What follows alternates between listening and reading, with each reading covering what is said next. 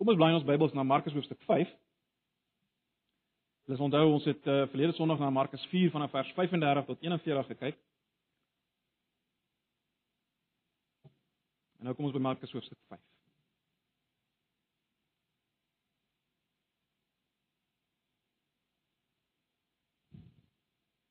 As ons die Bybels oop het, kom ons vra net nou dat die Here ook sy woord sal gebruik. Ag Here, ja, ons kom maar net weer nou na U toe en ons vra dat U U woord sal oopbreek vir ons. Dat U ons harte sal ontvanklik maak, Here, dis die belangrikste dat U werklik ons harte sal ontvanklik maak. Dat U eindelik uiteindelik ons ons wil sal verander.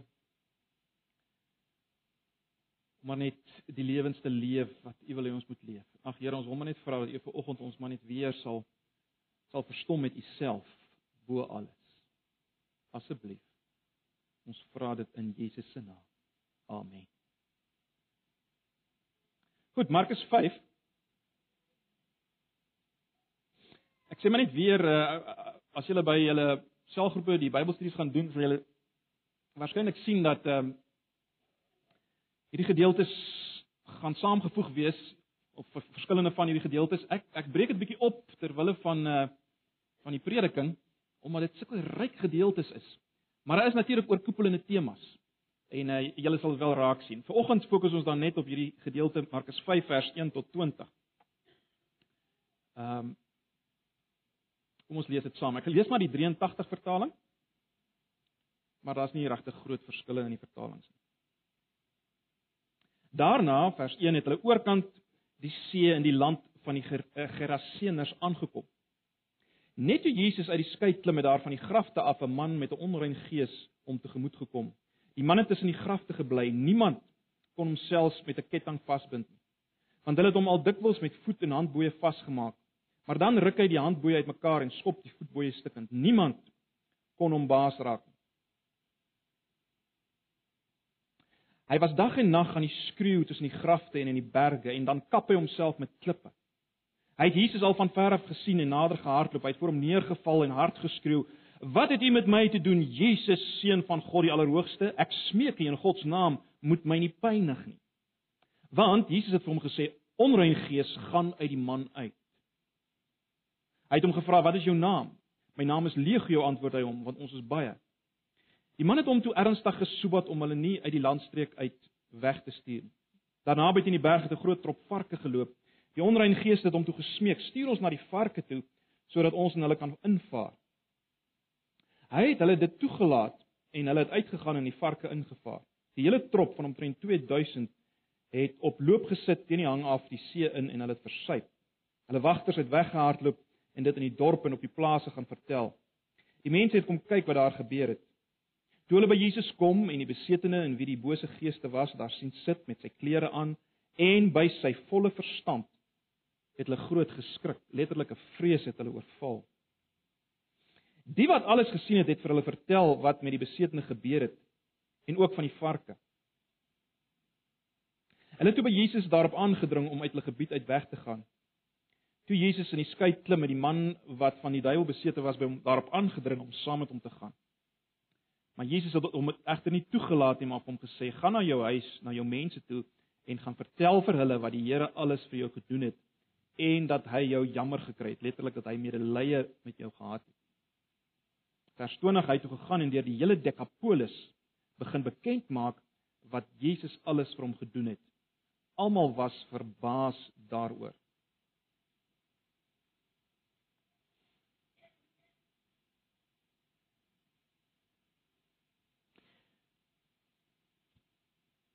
Wat kan ek en jy verwag as ons onsself verbind aan Jesus Christus? Wat kan 'n gemeente verwag as 'n gemeente by wyse van spreuke agter Jesus aan begin loop? Verbind is aan Jesus. Dis 'n uiters relevante vraag, is dit nie? Uh vir ons as individue en vir ons as 'n gemeente is dit 'n uiters relevante vraag.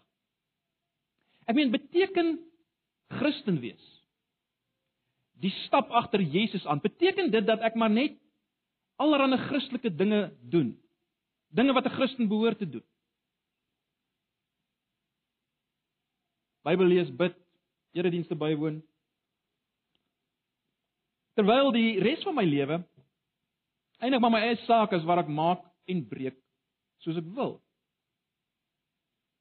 Beteken Christen wees, gemeente wees, die aanstap of die stap agter Jesus aan, beteken dit dat Jesus my voorspoedig sal laat wees in alles wat ek doen. In ander woorde dat alles vir my gaan regloop en vir gemeente gaan regloop as ek en jy as ons as gemeente agter Jesus begin aanloop, gaan alles begin reg uitdraai. En eendag gaan ons natuurlik dan saam met hom wees eh, nadat alles reg vir ons verloop het hier op aarde.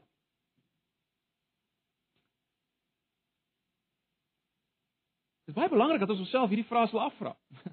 Geweldig belangrik, is dit nie? Uh elke persoon wat homself en haarself 'n Christen noem, moet hierdie vraag kan beantwoord. Wat beteken dit om verbind te wees aan Jesus? Wat kan ons verwag? Wat kan ek verwag? En elke gemeente moet hierdie vraag kan beantwoord. En as jy volgende hier sit as as blote belangstellende, met ander woorde, uh, jy het nog nie regtig besluit om agter Jesus aan te stap ten volle nie, uh, is dit 'n belangrike vraag wat jy moet beantwoord. Waarvoor laat jy jouself in as jy agter Jesus gaan begin aanstap?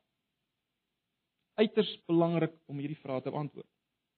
Nou, ek is oortuig dat Markus sy eerste lesers en vir ons help om hierdie vraag te beantwoord deur dit wat hy hier vir ons opteken, uh die hierdie historiese gebeure wat hy vir ons opteken uh, met 'n spesifieke doel natuurlik. In die eerste plek, soos ons nou weet vir die gemeente in Rome en vir ons. Uh en ek is ek is seker dat hy vir ons help om hierdie vraag te beantwoord of hierdie vraag te beantwoord. Eh, en en by uitstek hier vanaf hoofstuk 4 vers 35 tot aan die einde van hoofstuk 5 uh word hierdie vrae op 'n baie interessante manier beantwoord. aan die hand van werklike gebeure. aan die hand van werklike gebeure. Kom ek herinner julle net aan wat ons reeds gesien het, uh spesifiek ook verlede Sondag.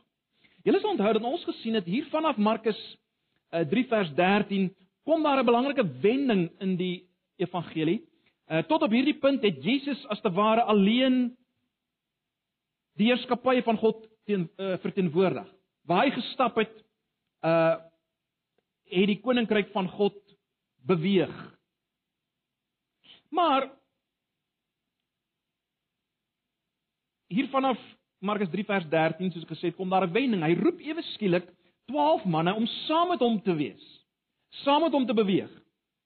En hulle was die kern van 'n nuwe volk, 'n nuwe Israel. Daarom natuurlik is hulle 12, né? Nee, hulle is die kern van 'n nuwe volk. Hulle is die kerk van Jesus, soos ek dit altyd stel in embrio vorm. Die begin van die kerk van Jesus. Net so terloops, die die woord kerk natuurlik, ekklesia, beteken letterlik die uitgeroepenes. Dis wat dit beteken. Die uitgeroepenes. Uitgeroepe mense. En dit is wat hierdie eerste 12 was. Hulle was mense wat uitgeroep is om nou agter Jesus aan te stap. En net so terloops, dis steeds wat die kerk veronderstel is om te wees. Mense wat uitgeroep is uit die wêreld om agter Jesus aan te stap. Nie mense wat net in 'n gebou moet kom sit. Maar goed, verlede Sondag het ons gesien dat Jesus hierdie kerk in embrio vorm. Hierdie 12 beveel om na die oorkant van die meer te vaar. Nou julle sal onthou, ek herinner julle net vinnig daaraan. Ons het vir mekaar gesê dat Jesus hier presies geweet het wat hy doen. Net soos hy daar in Johannes hoofstuk 6 presies geweet het wat hy doen. Jesus weet presies wat hy doen as hy sê, "Kom ons vaar oor na die ander kant." Dit was Jesus wat hierdie ouens in die moeilikheid gebring het, in die storm. Hy het geweet wat hy doen. En hy het dit gedoen, baie belangrik, sodat hulle hulle eie geestelike toestand kon ontdek, né? Nee sodat hulle hulle eie geestelike toestand kon ontdek in daai uitroep van hulle gee jy dan nie om dat ons vergaan nie. Nee, gee jy nie om dat ons vergaan nie. Uh en ons het mekaar gesê daaruit uh, het dit duidelik geword hulle hulle is nog nie regtig oortuig dat Jesus vir hulle omgee en dat Jesus die krag het om iets te doen aan hulle situasie. Maar baie belangrik Jesus lei hulle as te ware in hierdie storm sodat hulle hulle eie geestelike toestand kan sien, maar baie belangrik, sodat hulle uiteindelik iets van van hom kan sien, wie hy werklik is. Nee, hy hy hy kom wys sy sy werklike identiteit aan hulle. As hy daai storm bestraf met 'n woord, uh al daai magte wat as te ware opgestaan het teen die koninkryk, uh, as hy dit bestraf met 'n woord, sien hulle in daai oomblikke wie hy werklik is. Met ander woorde, die die kerk in embrio vorm ontdek dat Jesus baie meer is as die een wat hulle onthou julle so terloops saamgeneem het. Hulle ontdek hy's baie meer as wat hulle ooit kon dink. Wat so te stel, hulle dinge omtrent hom ontdek wat hulle nooit sou ontdek as hy hulle nie in die storm ingelei het nie.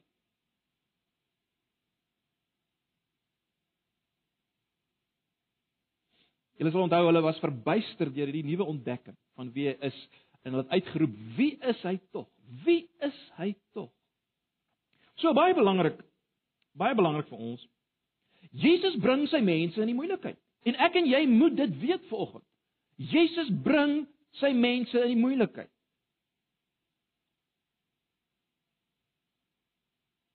Met ander woorde, hy bring sy mense in situasies waarin hulle voel dat hy nie omgee nie. Né? Nee. Maar hy doen dit sodat hulle kan sien of hulle al werklik glo dat hy omgee en dat hy kan red. En meer as alles, hy wil in hierdie situasies vir hulle wys wie hy is. Hy wil wys dat hy veel meer is as wat hulle ooit gedink het hy is. Hy's veel meer as wat die wêreld dink hy is. Maar goed. Met hierdie vraag as te ware nog brandend in hulle harte, hierdie vraag, wie is hy tog? Bereik hulle nou in Hoofstuk 5 vers 1 die oorkant van die see. Die oorkant waarna toe hy gesê het hulle moet vaar in Hoofstuk 4 vers 35. En die eerste ding wat ek en jy moet raak sien omtrent hierdie plek waar hulle hulle self nou bevind in Hoofstuk 5 vers 1, is die feit dat dit 'n nie-Joodse gebied was. Dit was 'n nie-Joodse gebied. Julle sal sien dit was die gebied van die Geraseners, uh, as jy 'n 53 vertaling het, gebied van Gadara. Die gebied van Gadara. En Markus noem dit spesifiek. Want ons moet besef dat dit is 'n heidense gebied. Dis 'n plek waar godsdienstige Jode nie regtig gekom het nie. Hulle het nie baie gehou van hierdie gebied nie. Dit is gesien as 'n onrein gebied. Nou dit word natuurlik alles bevestig. Die feit dat dit 'n nie Joodse gebied was, word natuurlik bevestig deur die feit dat daar 'n varkboerdery was, né? Nee, dit was ondenkbaar dat 'n Jood 'n varkboerdery sou gehad. Maar onthou nou weer, ek ek ek ek ek, ek, ek wil dit onderstreep. Wat het ons verlede keer gesien? Ons het gesien dat Jesus het die disippels in Markus 4 vers 35 beveel om oor te vaar na die oorkant van die meer. En ons het gesien nou dat in hierdie proses van oorvaar na die ander kant het hy hulle in die storm gebring met met alles wat daarmee saamgaan. Maar die punt is nou is hulle aan daai oorkant, né? Nee, hulle is nou aan daai oorkant. En waar is hierdie oorkant? Wel, dis 'n heidense gebied en dis in se gewe. Dit is 'n onrein heidense gebied. Met ander woorde, ek dink ons kan sê Jesus bring hulle in 'n gebied wat bietjie buite hulle gemaksone is, né? Nee. Hy bring hulle in 'n gebied wat buite hulle gemaksone is. En dis die eerste ding wat ons moet raak sien in hierdie gedeelte. Jesus was as te ware nog besig om sy bene oor die rand van hierdie boot te swaai toe daar 'n figuur aangehardloop kom hier aan die oorkant. En ons het gelees van hierdie figuur. Kom ek lees net weer daarvan vers 3 af. Die man het tussen die grafte gebly. Dis die figuur wat hier aankom. Die man het tussen die grafte gebly. Niemand kon homself met 'n ketting vasbind nie, want hulle het hom al dikwels met voet en handboeie vasgemaak, maar hy maar dan ruk hy die handboeie uitmekaar en hy skop die voetboeie stukkend. Niemand kon hom baas raak. Hy was dag en nag aan die skreeu tussen die grafte en in die berge en dan kap hy homself uh stikkend met klippe. Nou uh, net so 'n interessantheid, Die Joodse geleerdes van die dag het beweer dat daar vier kenmerke van menslike gedrag is wat iemand kenmerk as 'n as 'n as 'n totale mal persoon. En eerstens was dit om snags rond te loop en in tweede plek was dit om 'n nag in 'n begrafplaas deur te bring. Derdens om jou klere te skeer en dan in die vierde plek om om ander vernietigende gewoontes te hê soos om jouself te kap en so meer. Noordeloos om te sê hierdie ou het gekwalifiseer. Hy was totaal van sy kop. Hoe waar dit sê die polisie, die medisyne en die stadstraat van Gadara het opgegee op hierdie man. Uh, hulle het so hulle het gesorg dat hulle so ver as moontlik van hierdie ou se ontstellende, bloedstollende geskreeu af wegkom, né? Nee. Vers 4 is uiters belangrik. En en Markus wil hê ons moet dit raak sien. Vers 4 waar waar Markus vir ons sê 83 vertaling, niemand kon hom baas raak. Miskien meer letterlik, niemand was in staat om hom te tem nie. Niemand. Niemand was in staat om hom te tem. Nou jy kan jouself voorstel die disippels uh hulle was nog verbuisterd deur die storm op die see uh en nou word hulle gekonfronteer met met met hierdie absolute hopelose situasie hier in heidense gebied. En mens kan jou voorstel dat onbewustelik het hulle die vraag gevra: "Waarin het ons ons begewe toe ons agter Jesus aan begin stap?" Waarin het ons ons begewe? Maar broers en susters, terwyl hierdie gedagtes waarskynlik nog deur hulle koppe draai, hoor hulle gesagvolle stem Onrein gees gaan uit die man uit. Vers 8. Onrein gees gaan uit die man uit. En in een oomblik word hierdie wilde ongetemde uh, ongetemde wese met al sy bloedstollende geskreeu in een oomblik word hy as te ware neergevel soos deur 'n weerligstraal en hy word getransformeer tot 'n bedelaar. Dit is geweldig, hoor. Hy word getransformeer tot 'n bedelaar. Luister na vers 7. Wat het u met my te doen, Jesus seun van God die Allerhoogste? Ek smeek u. Ek smeek u. In God se naam moet my nie pynig. Dieselfde ou. Dieselfde ou wat deur niemand getem kon word. Dis hy. Dis hy wat hy uitroep.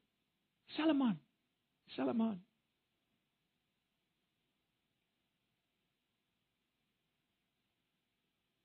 Net na 'n woord van Jesus. Vers 9 en 10 maak dit eintlik baie duidelik dat dit eintlik ten diepste demone was wat eintlik net gebruik gemaak het van hierdie man se stembande. Hulle hulle praat as te ware deur hierdie man. En en dit dis dis belangrik. En dit maak dat ons hier werklik 'n 'n oomblik van openbaring het. Met ander woorde, 'n moment het, 'n oomblik het waarin sekere dinge baie duidelik word, vir ons oopgebreek word. Want wat gebeur hier? Kom ons dink 'n bietjie daaroor. Kom ons vra onsself, waarom hierdie ewe skielike vrees en die pleiting om nie gepynig te word nie? Ek meen, hoekom sou hulle dink Jesus gaan hulle pynig? en dit vanaf hier van is baie interessant. Dis die uitroep vanuit hierdie man wat blykbaar immuun was teen pyn. Uh, hy was totaal ontembaar. Hy het blykbaar nie pyn gevoel nie. Hoekom? Wel, ek dink daar's net een antwoord. Hierdie demone het die een herken wat met hulle gepraat het.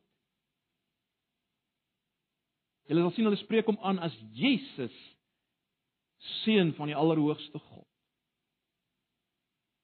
Weerens hulle, die demone, die onrein geeste besef wie hy is, terwyl hulle onthou die godsdienstiges van die dag, die fariseërs, die skrifgeleerders het dit nie besef. Maar goed, ek wil nie nou daarop ingaan. Die belangrike ding is wat het hulle besef? Wel, broers en susters, hulle het waarskynlik besef dat hulle nie meer baie lank het voordat hulle sal moet buig voor hierdie een nie. Ja, julle sal weet Paulus praat in Filippense 2 vers 9 tot 11 daarvan. Hy hy hy stel dit so. Hy sê daarom het God hom, dis Jesus, ook tot die hoogste eer verhef en hom die naam gegee wat bo elke naam is, Filippense 2 vers 10, sodat in die naam van Jesus elkeen wat in die hemel en op die aarde en onder die aarde is, die knie sou buig en dit sluit in hierdie demone, né? En elke tong sou erken Jesus Christus is Here, Kyrios, meester, né? Tot eer van God die Vader. Jy sien hierdie demone het besef dis nie meer lank nie. Hulle besef hulle te doen met hierdie ene. En daarom hierdie hierdie pleit dat hy hulle nie sal pynig nie. Uh hulle smeek hom om eerder in die varke in te gaan. Nou as ons na Lukas se weergawe van dieselfde gedeelte kyk in, in Lukas 8 vers 31, dan sien ons uh, hulle smeek hom eintlik om om hulle nie na die onderwêreld te stuur nie. Nie nou al so intoe te stuur. Jy sien hulle wil nie nou al gaan na die plek waarvan Openbaring 20 vers 10 praat as ons lees die duiwel is in die poel van vuur en swaal gegooi Eh, waar die dier en die valse profeet ook is nie. Hulle sal dag en nag gepynig word tot in alle ewigheid. Jy sien, dit is die vrees. Dit is die vrees. Maar sien ons wat hier gebeur? Kom ek sê dit so, die die wesens waaroor so baie geskryf word, die wesens waarvan baie Christene dink hierdie wesens is so so magtig uh, dat hulle as te ware in 'n gelyke stryd met God gewissel is en dit hang net af uh hoe goed ons ons kant bring van wie die oorhand gaan kry. Uh, Daar's 'n moontlikheid dat hulle die oorhand kan kry as ons nie regtig ons kant bring. Dis die wesens waarvan hier gepraat word. Hulle smeek Jesus.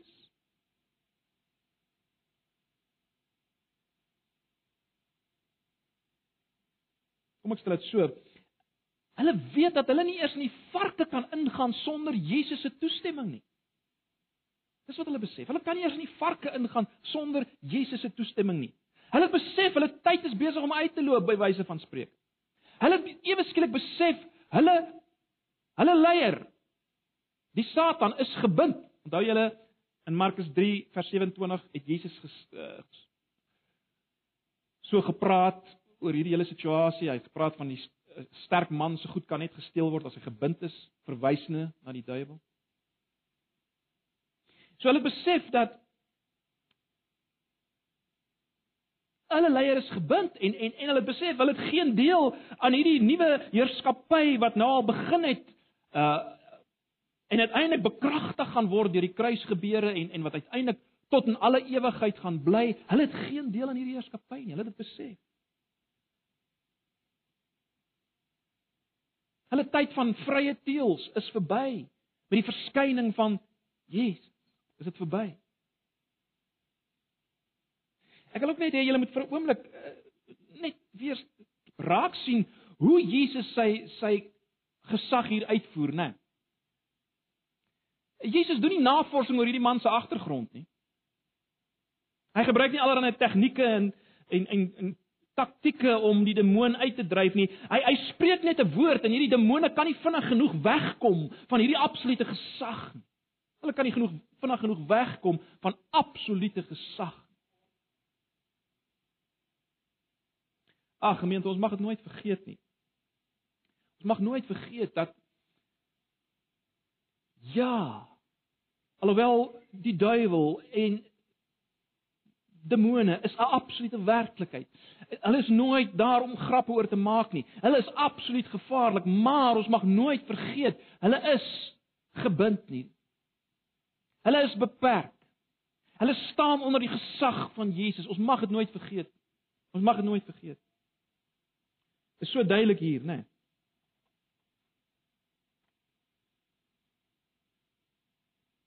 Maar natuurlik, dis nie die groot punt nie.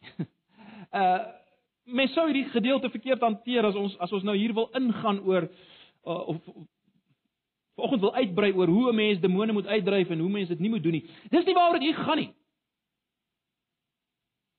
Dis nie waaroor dit hier gaan in die eerste plek. Die punt waaroor dit hier gaan broers en susters is dit. Die heerskappy van God. Die koninkryk van God. Ons het mekaar al gesê letterlik of is 'n beter vertaling om te praat van die heerskappy van God, né? Nee. Die heerskappy van God is sterker as die heerskappy van Satan. En daardie heerskappy het gekom toe Jesus verskyn en dis wat ons moet raak sien. Daardie heerskappy het gekom. En daardie heerskappy is steeds met ons, die heerskappy van God wat sterker is as die heerskappy van die Satan. Terloops in, in Matteus 12 vers 28 eh, sê Jesus baie eksplisiet. Hy sê aangesien ek deur die gees van God die bose geeste uitdryf, het die koninkryk van God inderdaad tot by julle gekom. Jy sien die die die uitdrywing van demone is 'n is jy 'n aanduiding van hierdie heerskappy wat gekom het. Dit maak dit net bekend. En dis wat ons moet raak sien.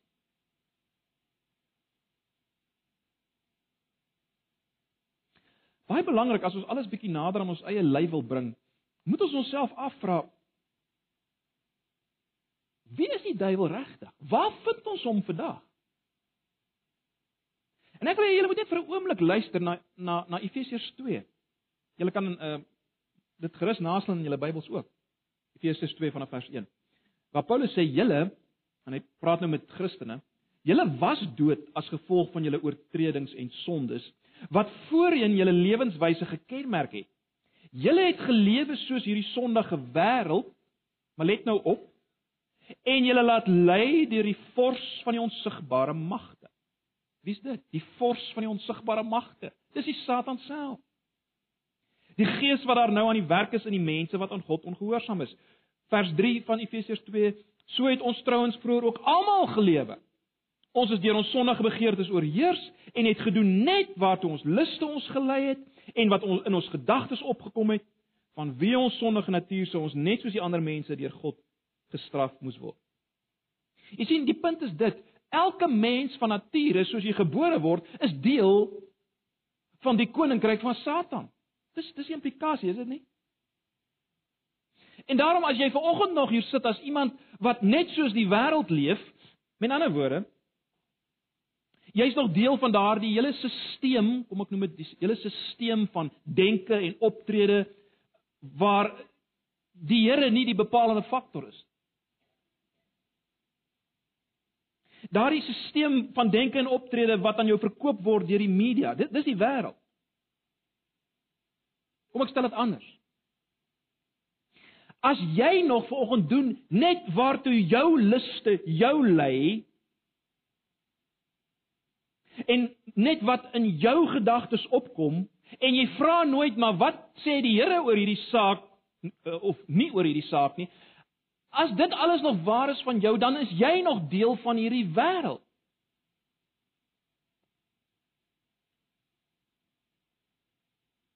En baie belangrik wat ons moet raak sien net vir oggend vir oomblik weer is dit. As jy dink jy is heerlik vry. As jy dink jy maak net soos jy wil, wel, die punt is jy is nie. Jy maak nie net soos jy wil nie. Jy doen wat die wêreld wil hê jy moet doen. En dis elke mens van nature se posisie, hoor. Eh, eh, die mense wat saam met julle werk. Dit is hulle posisie. Hulle dink hulle is vry, maar hulle is nie. Hulle doen net wat die wêreld wil hê hulle moet doen. Maar nou baie belangrik, wat sien ons hier in Efesiërs 2? Eintlik doen hulle net wat die Satan wil hê hulle moet doen. Want agter die wêreld, agter die wêreld in sy stelsel van denke, wat jou begeertes en jou luste beïnvloed. Agter dit alles sit die Satan, is dit nie? Dieselfde Satan as waarvan ons hier lees in Markus 5. Dieselfde duiwel sit agter die wêreld wat elke dag in ons huise instroom, né, deur die deur die media. Dieselfde duiwel. Ag broers en susters, ons moet dit verstaan. Die verlore mense rondom ons, Die goeies en die slegtes. Almal wat nie vir die Here leef nie, wel hulle leef sonder dat hulle dit weet vir die duiwel, dieselfde een as waarvan ons hier lees. Hulle leef dieselfde een. Ons moet dit raak. Goed, so wat ons moet weet vanoggend is dat ons het te doen met dieselfde duiwel. Dit lyk net nie heeltemal so dramaties miskien soos in hierdie geval nie, maar dis dieselfde een. Dis die een ding wat ons moet weet, maar wat ons hier moet raak sien is dit. Hierdie duiwel, en dis wat ons moet raak sien. hierdie duiwel, hierdie Satan, het nie meer absolute mag oor sy onderdane nie. Die koning van alle konings vat af wie hy wil. Hy hy hy hy hy, hy vat die wat hy wil. Die koning van alle konings. Dis wat ons moet raak. Dis wat die Here Jesus wil duidelik maak. Meer as dit, broers en susters, ons kry weer hier vir 'n vir 'n vir 'n flitsende oomblik 'n kykie van dit waarna toe ons op pad is, dit wat gaan kom. Onthou julle in die storm het ons vir 'n oomblik, het ek julle gesê, het ons vir 'n oomblik iets gesien van die heerlikheid van God se heerskappy. Sy mag. Ons het gesien vir 'n oomblik in daardie storm dat alle vyande van God se heerskappy gaan uiteindelik voor hom buig. Alles wat opstaan teenoor hom sal buig. In daai oomblikke as hy die storm stil maak, sien ons dit. En hier is dieselfde, né? Ons sien vir 'n oomblik 'n 'n voorprent, 'n voorspel van die herstel wat Jesus gaan bring, die absolute herstel wat hy uiteindelik gaan bring. Waarvan daar nou al iets begin sigbaar word waar hy aan die werk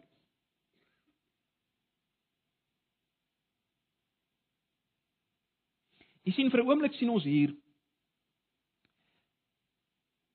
dat selfs die magtige koninkryk van die van die Satan uh onthou die Satan word genoem in 2 Korintiërs 4 vers 4 die god van hierdie wêreld terloops.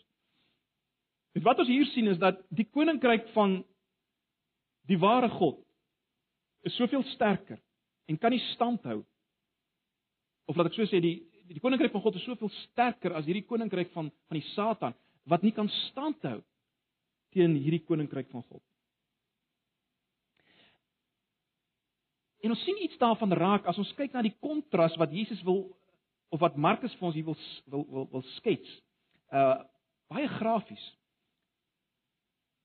Die kontras tussen die koninkryk van die Satan en die koninkryk van God. As jy anders dit wil stel, hoe lyk die koninkryk van die Satan in vergelyking met die koninkryk van God. Ons sien iets daarvan hier. En dan sien ons iets van sy krag. Dan sien ons iets van sy krag. Kyk vir 'n oomblik saam met my. Wat sien ons hier? Hoe lyk die Kom ons noem dit die koninkryk van Satan. Hoe lyk dit waar hy heerskappy voer in hierdie gedeelte? Hoe lyk dit? Hoe lyk dit waar hy in beheer is van 'n mens? Hoe lyk dit waar hy in beheer is van 'n mens? Kyk hier. Wat sien ons by hierdie man? Wel ons sien versteurde denke, né? En daarom 'n absolute versteurde persoonlikheid. Wat lei tot totale onbeheersheid, né? Hulle kon hierdie ouens nie vasbind met voetboeie en ketTINGS. Hy bly in die grafte. Totale onbeheersheid. Ons sien destruktiewe, vernietigende gedrag. Hier's 'n man wat homself stikkend gekap het. Hy hy hy het nie geslaap nie, hy het geskreeu en so mee. Broers en susters, dit dis hoe die Satan se werk lyk. Sy heerskappy, né? Maar nou aan die ander kant. Hoe lyk die heerskappy van God? Hoe lyk dit waar Christus in beheer is van 'n mens? 'n Belangrike vraag is dan vers 15 is die feit dat hy toe die toe die ouens nou kom kyk het, waar is hierdie man? Toe sien hulle hy sit daar, let op, by sy volle verstand vers 15 sit hy by Jesus. Uh die die woorde die die betekenis van om, om selfbeheersing te kan uitoefen, sober te wees, reg te dink oor jouself. Natuurlik is dit niks anders as bekering nie, nê? Metanoia, 'n verandering van denke. En dis wat ons by hierdie man kry. Sy denke het verander.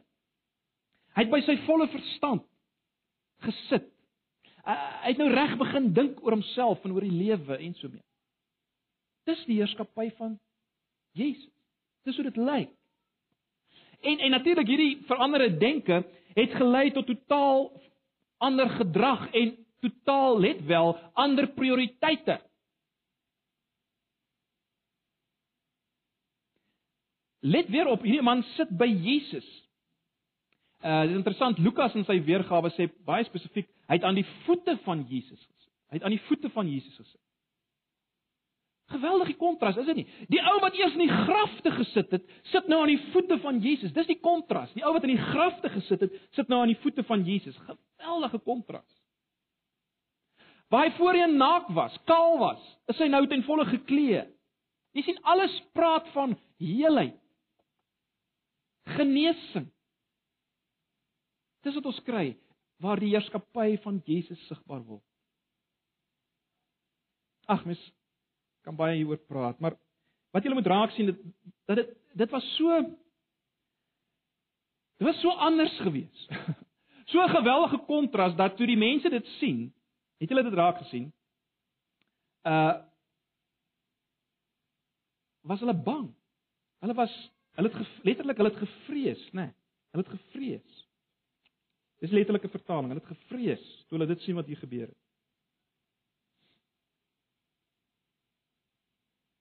Vers 15. Die 83 vertaling sê hulle het groot geskrik, maar letterlik hulle hulle het geweldige vrees. Net toe hulle sien die net toe hulle die verandering sien in hierdie man, besef hulle, hier het ons te doen met krag.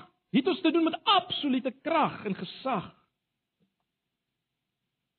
Jy sien dieselfde vrees wat die ouens laat uitroep het op die storm in die storm. Wie is hy tog? Dieselfde krag is hier aan die werk.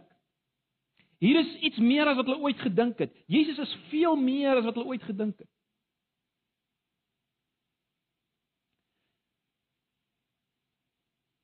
Ag broers en susters, ons moet raak sien natuurlik ten diepste dat dit nie hier gaan oor 'n aanskoulike vertoning kragtoertjie nie.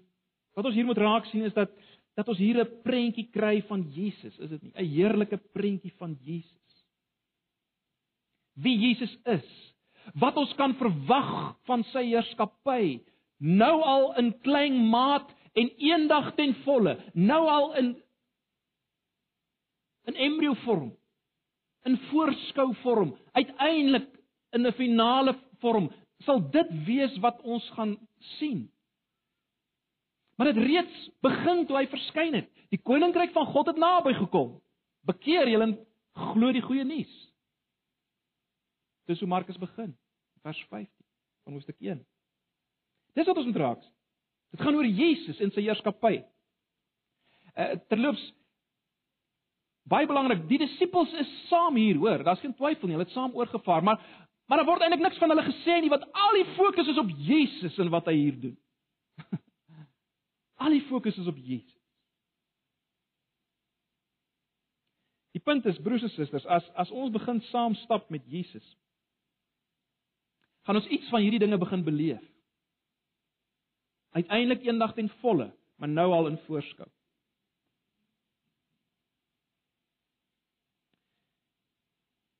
Die laaste punt wat ek net wil uitlig, is dit wat ons sien in vers 19 en 20. Jy sien dit wat hier gebeur het is iets wat uitgebasyn moet word, is dit nie? Kom ek stel dit so, Jesus bring hierdie verandering teweeg sodat hierdie man dit kan vertel. Sodat hy dit kan verkondig. Wat kan verkondig? Wel, die groot dinge wat die Here gedoen het in sy barmhartigheid. Dis wat hy moes verkondig. Die groot dinge wat die Here in sy barmhartigheid gedoen het. Dis wat hierdie man moes verkondig. En let op, hy vertel dit oral in Decapolis. Nou, eh, dis insiggewend weer eens want dis 'n heidense gebied weer eens. Uh Decca sal julle weet is 'n 10 uh dis letterlik 10 Griekse stede, polis stede. Dis waar hy dit verkondig in 'n heidense gebied. Die punt is dit sou nooit gebeur het as Jesus nie in die eerste plek in hierdie gebied ingegaan het. Dit sou nooit gebeur het as Jesus nie 'n passie gehad het vir die onreines nie sou dit nooit gebeur het dat hierdie man in Decapolis vertel het wat die Here gedoen het. En ons moet dit raak sien. Maar goed, kom ons kom ons maak 'n paar punte van toepassing uh vir ons as gemeente en individue. Wat moet ons raak sien? Wel ons moet raak sien broers en susters dat die Here Jesus as die hoof van sy kerk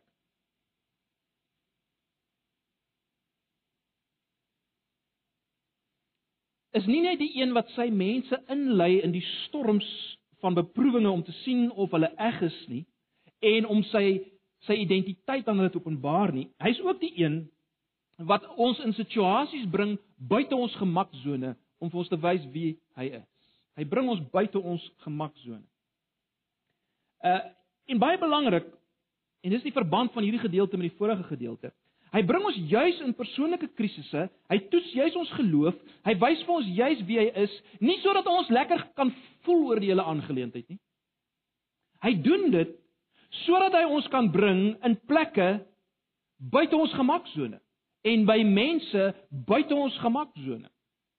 Dis hoekom hy ons vat deur hierdie proses van toetsing en beproewing en ontbloting van ons geestelike kwaliteit. Die hele doel in vers 35 was uiteindelik om hulle aan die ander kant te bring.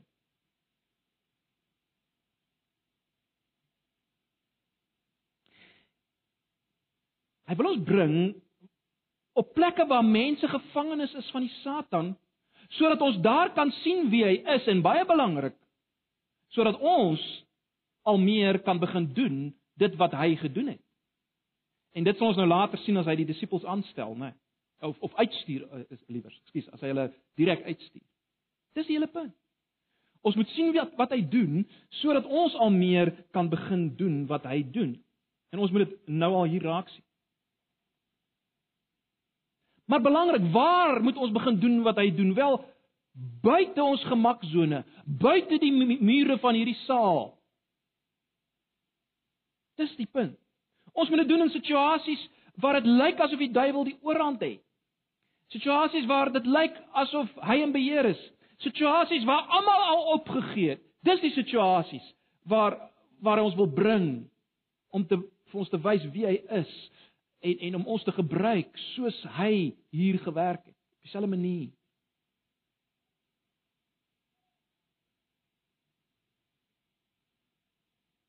Jy sien as ons in hierdie situasies kom, wil Here Jesus hê dat ons wat nou leef na die oorwinning van die kruis, baie belangrik, onthou ons leef in 'n ons leef nou na die kruis, né? Nee. En na die opstanding. Ons moet wys dat ons vertroue het dat hierdie Jesus plekke wat lyk situasies wat lyk na die poorte van die hel kan omkeer na 'n voorsmaak van die hemel.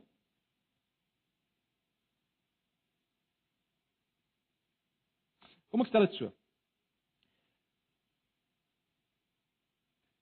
Toe Jesus op aarde was, was God se groot krag, as ek dit so kan stel, was Jesus, né? Nee, uh Jesus was die groot krag van God. Maar wat is nou die groot krag van God? Wel Romeine 1 vers 16, né? Nee, die evangelie is die krag van God tot redding. Die evangelie is die krag. Die die boodskap wat gaan oor dit wat God in Jesus gedoen het. Dis God se krag nou om mense vanuit die koninkryk van die Satan te ruk na die koninkryk van God. En en broers en susters, hierdie gedeelte wil hê ons moet vertroue hê daarin. Anders dan mis ons die punt. Ons moet vertroue hê in die evangelie. Natuurlik, ons loop nie meer elke dag mense raak wat lyk soos hierdie man van Gadara nie. Maar ons loop elke dag mense raak wat in die toestand is van Efesiërs 2 se eerste 3 verse, is dit nie? Elke dag. En broers en susters, wat ons moet verstaan is mense wat leef en dink soos hierdie wêreld is wat God betref net so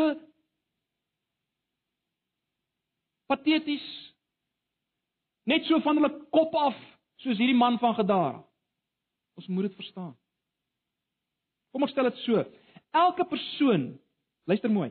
Elke persoon wat nie by sy volle verstand aan die voete van Jesus sit nie, is nog besig om in die grafte van Gadara te skreeu. Ons moet dit sien.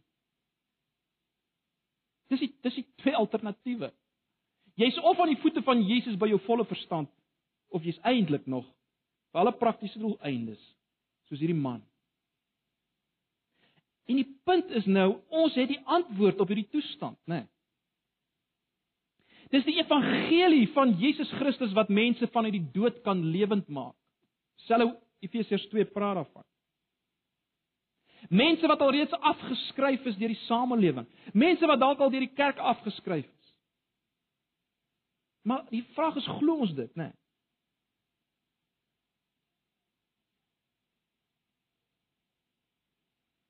Glo werklik Jesus kan hopelose situasies verander. Die evangelie kan hopelose situasies verander. Of is ons is ons bang vir die grafwandelaars rondom ons? Dis die vraag wat ek en jy onsself moet afvra. Jy sien, as ons glo, as ons glo dat die evangelie die krag van God is, dat dieselfde krag wat hier teenwoordig was steeds teenwoordig is in die evangelie. Let wel. As ons dit glo, sal ons nie begin om die koninkryk van God by wyse van spreuke los te laat in onmoontlike situasies nie. Oral waar ons onsself bevind. By jou werk, in jou familie, by die skool. Waar jy gaan vakansie hou. Dis die vraag wat ons onsself moet afvra broers en susters. Is ons deel, Paulus praat van die triomftog van Christus. Is ons deel daarvan? Beleef ons iets van deel wees van die triomftog waarin God ons saamvat, daai triomftog waar hy mense transformeer. Het jy al begin om te vertel van dit wat Jesus sy medelee aan jou, eh, dit wat ons by hierdie man sien? Of het jy al begin moed verloor en opgegee?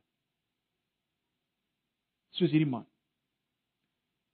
Het ons nie het ons nie al moed verloor en opgegee oor baie situasies nie. En dis die vraag wat ons onsself moet afvra, nê, nee, in die lig van hierdie gedeelte. Of dalk is jy nog self in die posisie van hierdie man volg. Dalk voer jy nog by wyse van spreuke 'n graf bestaan. En, en net jy sal dit weet. 'n Nag bestaan. Jou denke is versteur. Jy maak jouself seer vanoggend nog op verskillende maniere. Dalk is jy nog in hierdie situasie. Ek weet nie, weet nie of jy dalk vanoggend so iemand is nie. Maar as jy is, wel Jesus is die antwoord. Stel jou bloot aan hom. Stel jou bloot aan die evangelie. Maar ons is gemeente, ag. Broers en susters, kom ons skryf weer vertroue in die krag van God. In die evangelie. Vir hopelose situasies, die omkeer van hopelose situasies. Kom ons Kom ons erken ons ons ons uh, ongeloof wat dit betref. So ek sluit af. Wat beteken dit om Jesus te volg? As individue en gemeente, wel dit beteken dat hy ons sal bring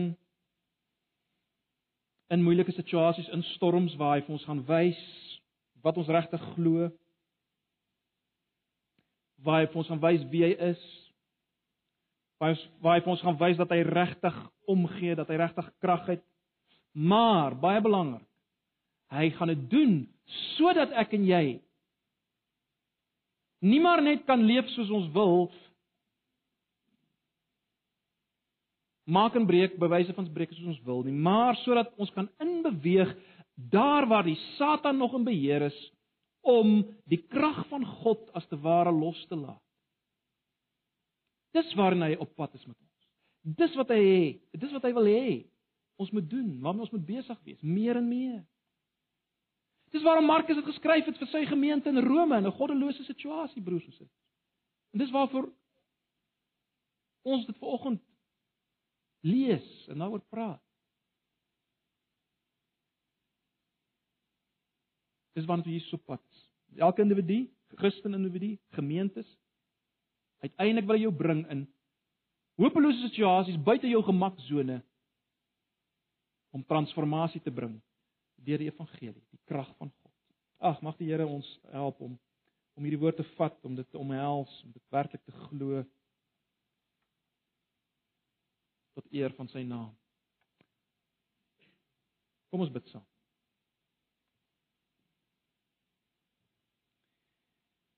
Ag Here, dankie vir u woord. Dankie vir dankie vir die evangelie van Markus. Waar ons u net weer aan die beweeg kan sien soos u werklik is. Ah Here, ek wil bid vir oggend vir elkeen van ons wat hier sit. U ken ons elkeen. U weet wie van ons is dalk nog in die toestand van die man van Gadara. Wie van ons het aanraking nodig deur u? U weet wie van ons is in 'n situasie van ongeloof in u het nie regtig meer vertroue in U krag vir hopelose situasies nie. En ek ken myself, Here, hoe dikwels ek daaraan twyfel. Ek vra dat U ons sal vergewe. En dat U ons weer sal vul met verbuistering vir wie U werklik is. Vul ons met ontzag. Maak ons as te ware in die regte sin van die woord weer bang vir wie U is in U heerlikheid. Asseblief. Ons vra dit in Jesus se naam. Mag nou die genade van ons Here Jesus en die liefde van God en die gemeenskap van sy Heilige Gees julle wees en bly terwyl julle saam met hom stap en sien wie hy is en wat hy kan doen. Amen.